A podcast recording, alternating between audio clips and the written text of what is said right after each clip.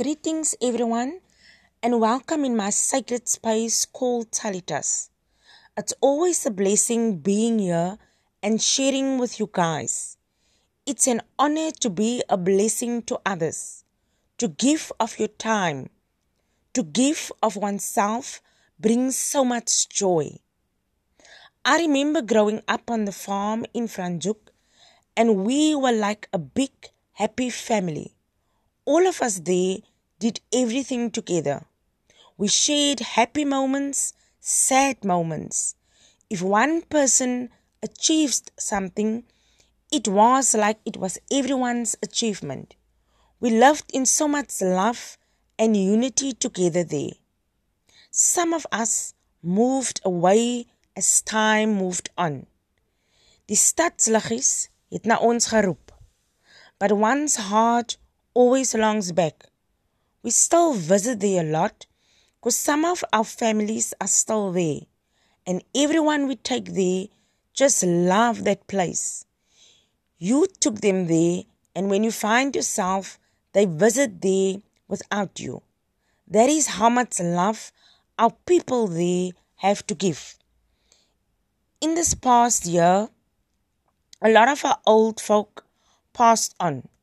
We lost three or four close aunties and an uncle in less than three months. All of us were still at my uncle's funeral when my one auntie got so sick. I remember some of us went there just to intercede for her, but we saw the signs, and the very next day she was gone. And a few weeks before that, my one auntie also passed on. So you can imagine the pain. They lived full lives. All of them died at the ages of 80 or over. Literally all of them. One of my best school friends' mom passed on just the other day.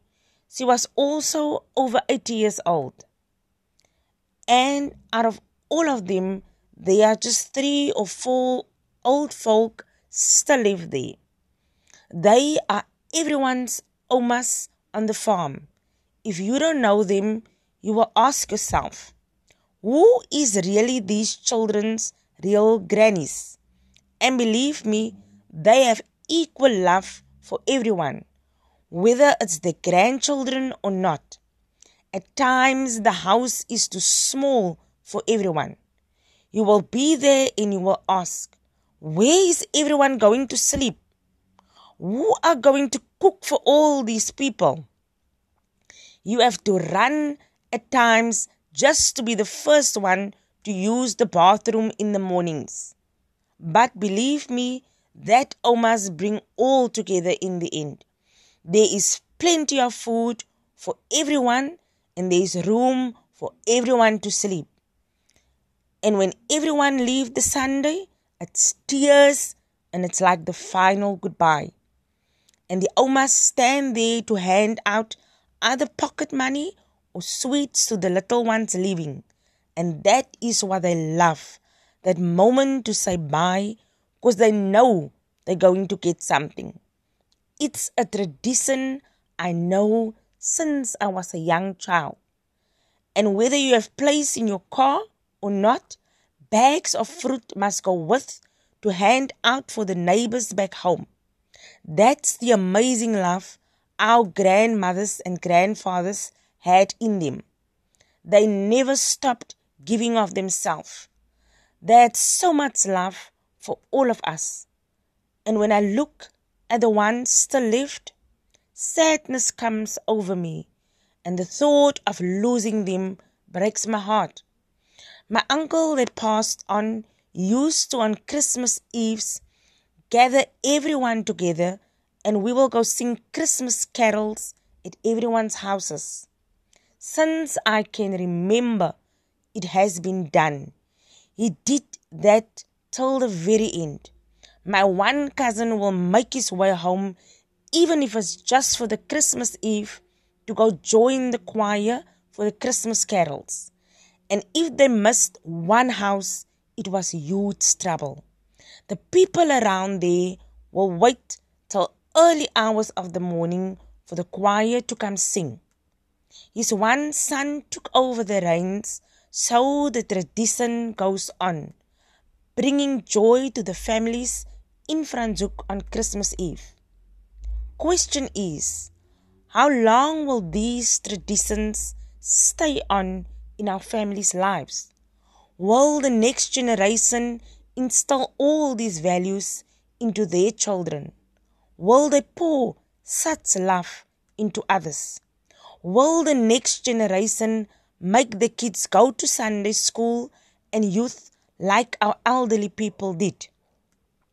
I remember our church were few kilometers away, so we that stay far from church organized our own Sunday school at home. It was too far to walk. We had our own little youth on the farm. Our parents and grandparents made sure we stay on the right path. Till we were old enough to find our way to the Sunday school at church. We usually walked together in groups to church on a Sunday morning, and no one would even think of staying at home. The whole bunch would scream and make a noise at each other's houses for you to come. That's the love we had for each other. That is how we grew up. So close, so much love for each other. Psalm 145, verse 4 says, One generation commends your work to another. They tell of your mighty acts. We as parents should pass on God to our children, not just by taking them to church or not just with your lips, but our lives should display God in our character, in our prayer life, in our marriages, in our homes. If we look at Timothy's life, we will discover God has given us a model of how to pass on our faith to our children. Timothy was a young man when Paul revisited Lystra on his second missionary trip, five years after his first visit there. It may be that Timothy's family became Christians during that first visit. During that five years, Timothy matured in his faith under the spiritual guidance of his mother and grandmother.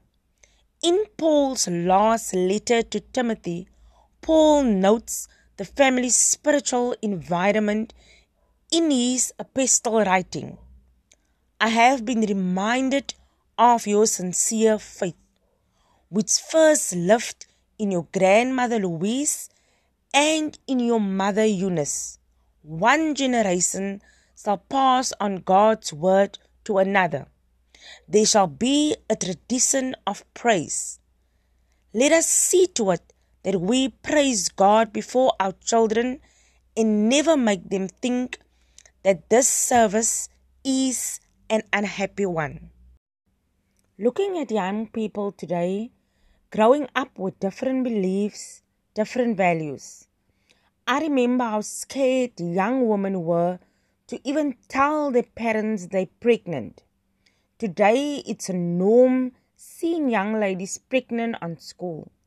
Kids are sexual active at a very young age, and that has also become a norm.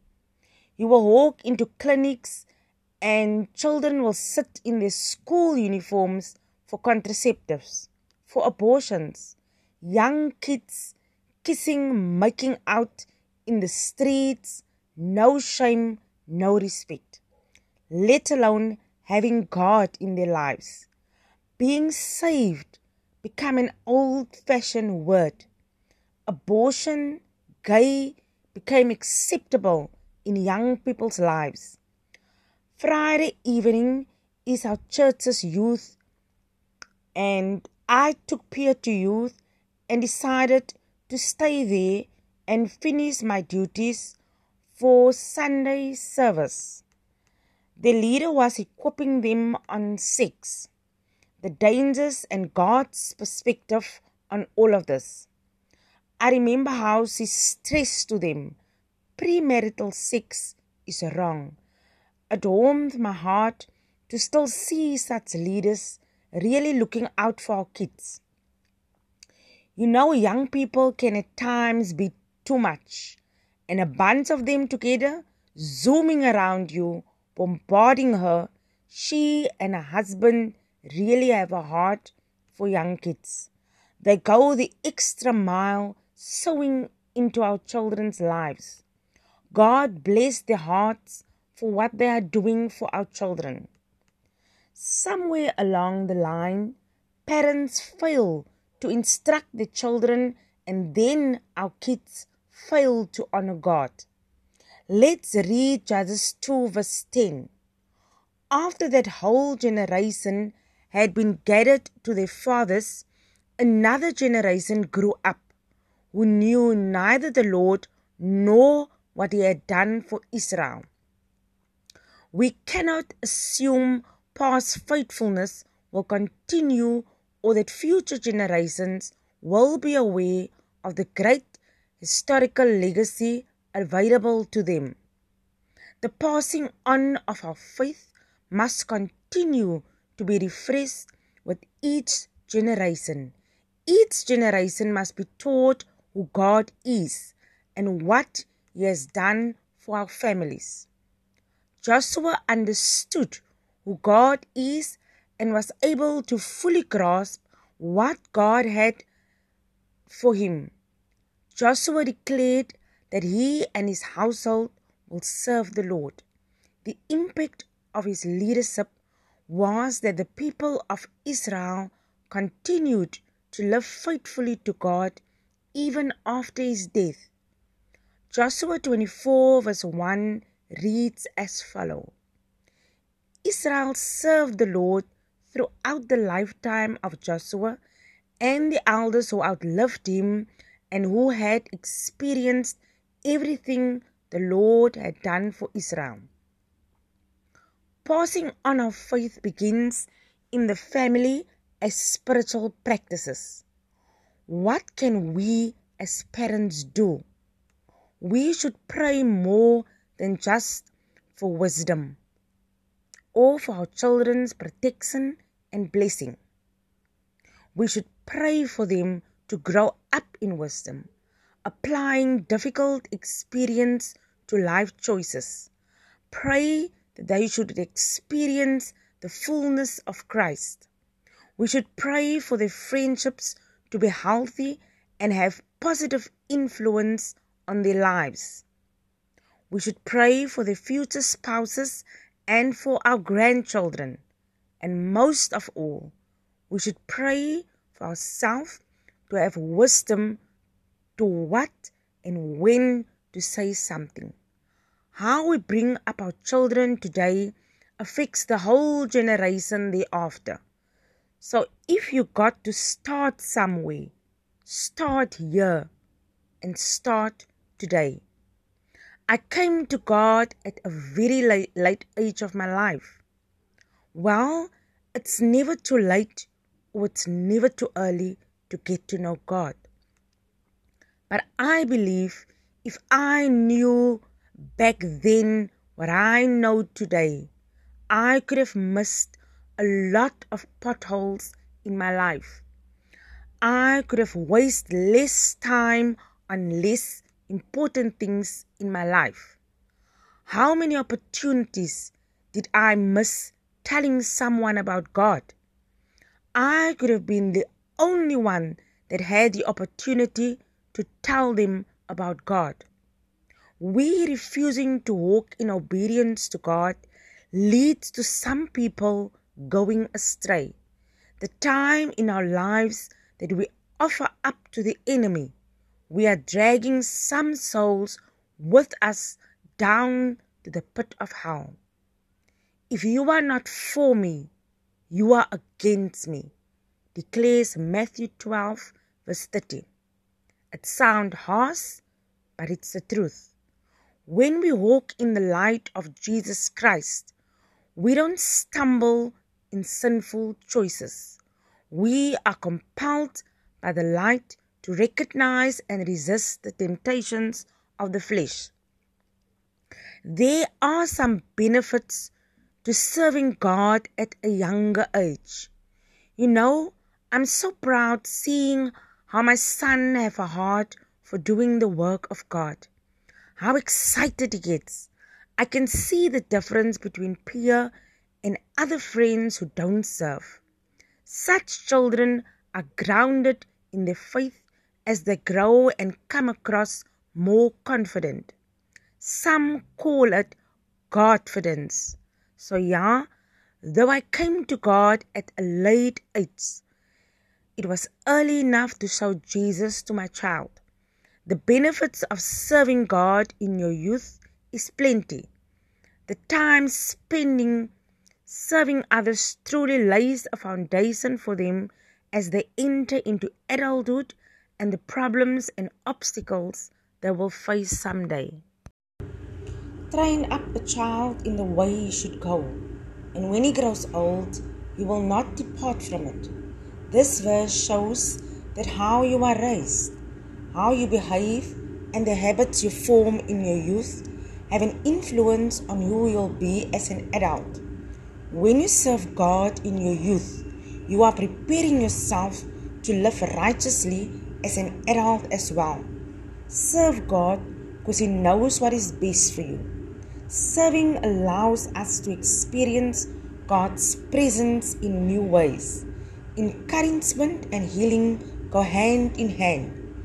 As we encourage others and they find healing, we are encouraged. God's way to grow old is to develop a hope with Him now. Hear what Psalm 71 says For you, O Lord, are my hope, my trust from my youth. Upon thee I have leaned from my birth. O God, from my youth, you have taught me and still proclaim thy wondrous deeds. We all know the famous script out of Ecclesiastes 12. Remember your Creator in the days of your youth, before the evil days and the years draw near, when you will say, I have no pleasure in them. Growing old day by day is not something we have control over. How we choose to live each one of those days is something we have control over. How we are going to age is a choice we can make. God's desire is that we learn to age with grace and dignity. In His Word, He gives us instruction as how to age gracefully. Our enemy says, youth for pleasure middle age for business, and old age for religion. The bad taste that brings that brings to my mouth. The Bible says youth, middle age, and old age all are for the Creator. You need to know your Creator when you are young and that He is as every claim on your life and the way that you live your life. There is no other lifestyle that will bring joy, encouragement, fulfillment, and contentment that comes from living for Jesus. Our Creator recognizes the value of youth to the divine cause. Young people have energy, they are daring, their hearts are filled with visions of the future. They can be the most valuable component in the service of God. Let's reflect upon some examples that demonstrates God's confidence in youth. Joseph was sold by his brothers and ended up in Egypt. Potiphar seduced him, but he resisted her. Joseph was only 17 years old, a young boy in a strange land, separated from his people and the center of his religious strength, yet faithful to his God we learn that Joseph was being used by God as an instrument to save the Hebrew nation. Joseph would only later recognize that it was God who actually sent him there to preserve life according to Genesis 45 verse 5. He said to his brothers, You meant evil against me, but God used it for his good. God used Joseph in his divine plan. God used a teenager to accomplish his plan. Miriam was used as an instrument to preserve her brother Moses' life. Moses would have been killed, but he ended up in the palace, and Miriam got her mother to be a nurse in the palace to look after Moses without anyone even knowing. Again, a young girl is being used in God's divine plan. We all know how Moses was of great value to God. Does this say something about how God values youth? The story of David, who became Israel's king, is well known. David killed Goliath the giant after he was mocked as being too young by Saul and by Goliath. Again, the Lord invested in youth, and the cause of truth triumphs. Josiah was eight years old when he became king. At the age of 16, he sought God's face. When he was 26, he arranged for the temple to be repaired. One of Josiah's most important accomplishments was the restoration of the Passover. Josiah was an important vessel in preparing the nation for the Saviour's arrival. God placed so much confidence in such a young man. Jeremiah was in his late teens when he was called by the Lord to be a prophet. God can use a youth of faith. Mary was about 14 years old when she was chosen to be the mother of our Lord. Does this not speak volumes about how God trusts spiritually minded youth? There was no companion closer to the great apostle than this young man called Timothy. It was believed that Timothy was about 18 or 20 when he started to work with Paul. If youngsters are properly trained, they are capable of courageous faith and considerable usefulness in heaven's cause. Perhaps we do not realize how we might influence youngsters to serve the Lord. Do we not overlook their potential? Youth can accomplish magnificent things for the master's cause, but do we always recognize this? Are our young people merely ignored as empty headed silly people who are unworthy of serious responsibility? Sadly, this may be the case sometimes, but we should not overlook this valuable resource in the master's course. We must be on the lookout for them and encourage them along the way. God can use them mightily. Just as Joshua told his family that he and his house will serve the Lord, and God commanded him to be strong and brave, to never be afraid or discouraged, for the Lord, his God, will be with him wherever he goes. Don't be like the people of this world, but let God change the way you think. Therefore, brethren, stand fast and hold the traditions which you have been taught, whether by word or your godly leaders. Now, Lord Jesus Christ Himself and God, even our Father, which has loved us and has given us everlasting consolation and good hope through grace, comfort your hearts and establish you in every good work. To the youth, may you have a blessed Youth Day on Wednesday. Young women, keep your eyes on your heavenly reward. Stay in perfect peace, Tallitas. Until next time, Bye bye. The foundation of a strong spiritual legacy can begin in the heart of the parent. My son's disobedience and rebellion often hurt my heart. At those times, I was tempted to respond with a cold shoulder. I wanted him to know that I did not approve of his actions. But this cold rejection does not reflect the heart of God. He doesn't approve of our sinful actions, but His constant love is constant. I saw the importance of extending that same forgiveness to my son. As a parent, I was called to be a safe place for my child where he can openly confess his sin and receive forgiveness. Mistakes can be a powerful opportunity for our children to learn about the heart of God. Through forgiveness and grace, we grant them the ability to rise and start anew.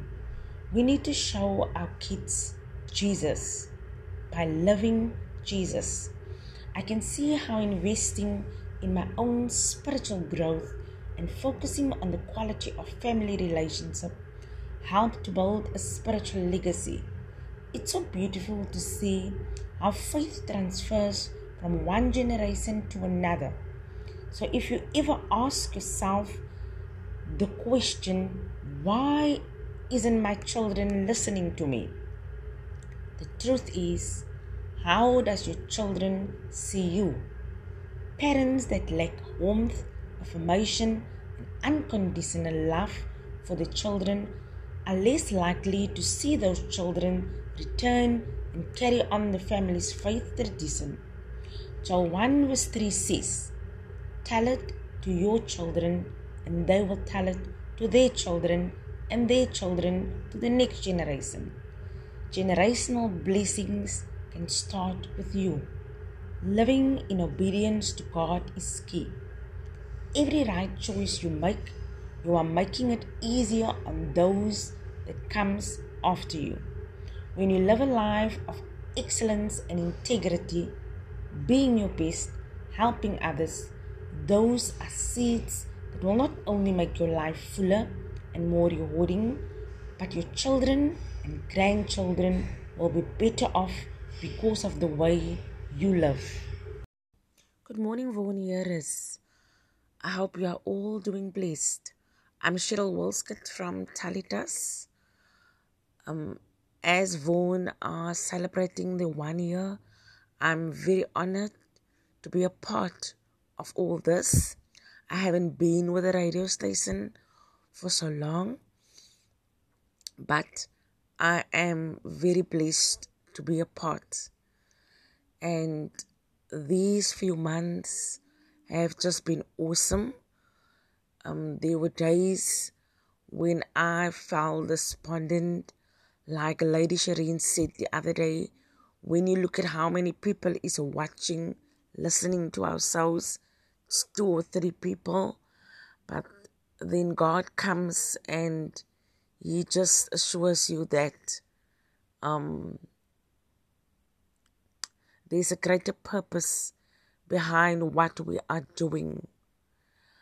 Um, you know, I don't really listen to my shows when it's airing.